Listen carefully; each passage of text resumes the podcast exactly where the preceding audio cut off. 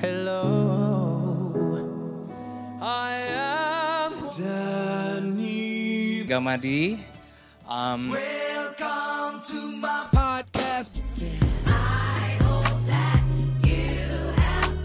blessed and highly favored. Hello, welcome to podcast series Gen Z Ministry bersama gue Denny Gamadi dan kita akan bahas gimana seluk-beluk melayani anak-anak generasi Z, yaitu mereka yang sekarang ini duduk di bangku SMP, SMA, dan juga kuliah. Nah, kalau teman-teman adalah pembimbing, youth pastor, hamba Tuhan, gembala, ataupun awam yang melayani Gen Z, ini saatnya kita ngobrol sama-sama. Nah di, di sesi-sesi yang lalu gue udah coba interview beberapa youth pastor, orang yang melayani Gen Z di lapangan, karakteristik lokal mereka yang beda satu sama lain. Nah kali ini gue mau bahas tentang hasil penelitian miliknya The Fit. Nah dia ini satu badan riset di Amerika dan Kanada. Dan dia punya cara yang unik dalam ngeliat em, karakteristik Gen Z yang ada di dunia ini jumlahnya 1,8 miliar jiwa. Jadi dari 7,6 miliar manusia yang hidup di dunia saat ini, 1,8 miliarnya atau sekitar 25% dari populasi dunia itu adalah anak-anak generasi Z. Banyak sekali ya. Nah, dan India dan China itu adalah eh, negeri dengan populasi Gen Z terbesar di dunia. Sepertiga dari seluruh Gen Z yang ada di dunia ini ada di India dan ada di China. Nah, tapi studi yang David bawain ini dia riset dari banyak sekali badan-badan eh, riset fasilitas. Ada 38 dia gabungin dan ada 21 lagi yang diambil dari khusus Amerika dan Kanada sendiri. Di riset itu dia lihat tentang influence. Yang pertama-tama pengaruh yang diterima oleh anak-anak Gen Z. Rata-rata pemakaian internet mereka dalam setiap harinya dalam sosial media adalah 3 jam nonstop. Maksudnya 3 jam total kalau digabung dari pagi sampai tidur malam terhubung dengan gadget. Nah, Ini sekali lagi pukul rata dan data ini mayoritas di Amerika dan Kanada. Tentu di lokal kita masing-masing datanya bisa berbeda. Terus 90% dari anak-anak Gen Z ini nggak bakalan tidur sebelum ngecek handphone. Jadi bener-bener tuh hal yang terakhir dilihat sebelum tidur adalah handphone mereka. 80% itu TV. Jadi ngeliat TV, ngeliat TV. Nah, dan umur pertama kali anak Amerika dapat handphone sendiri adalah 12 tahun.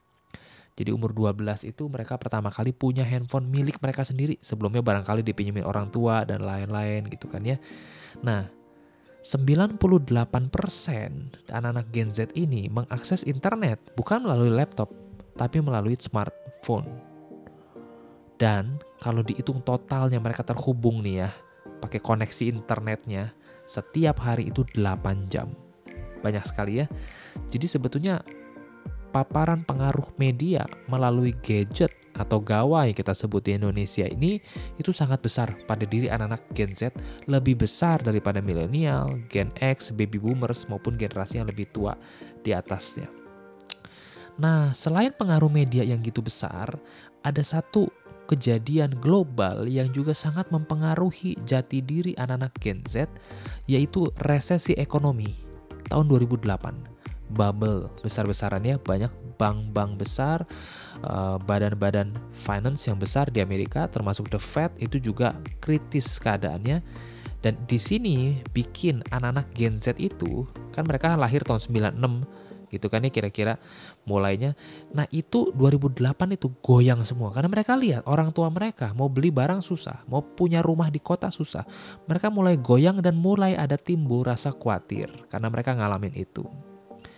Nah, di tengah-tengah masa yang sulit dan banyak perubahan-perubahan fluiditas gender, fluiditas ras, dan kelas sosial ekonomi, Gen Z ini adalah orang-orang yang sangat mementingkan kesetaraan, equality.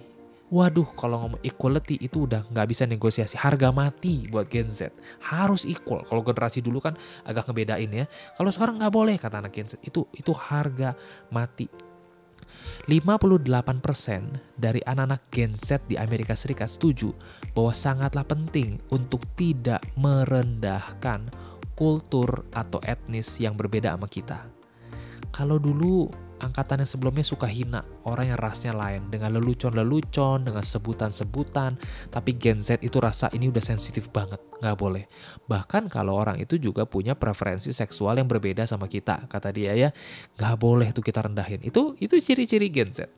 48% anak-anak Amerika ini ya di bawah umur 18 tahun ini soalnya memang berasal dari etnis yang minoritas. Bayangin, 48% itu bukan kulit putih, tapi berasal dari berbagai etnis-etnis kecil yang minor.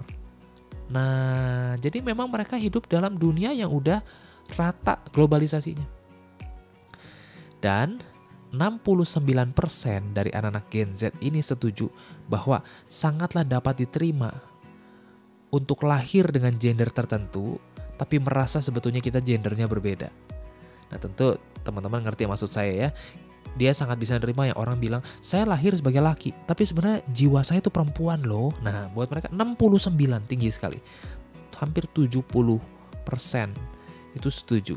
Ini di ini diambil dari Barna dan Impact 360 setuju bahwa it's okay, kamu bisa merasa nggak seperti yang physically seks kamu itu kamu bisa beda. It's okay, 70% bilang it's okay. Nah, kalau bicara soal iman dan keagamaan, ternyata para periset ini melihat adanya penurunan yang lumayan jauh. Terus turun sampai mereka ini Gen Z disebutnya generasi the nons. Nons itu nggak ada maksudnya. Jadi imanmu apa? Nggak, nggak ada.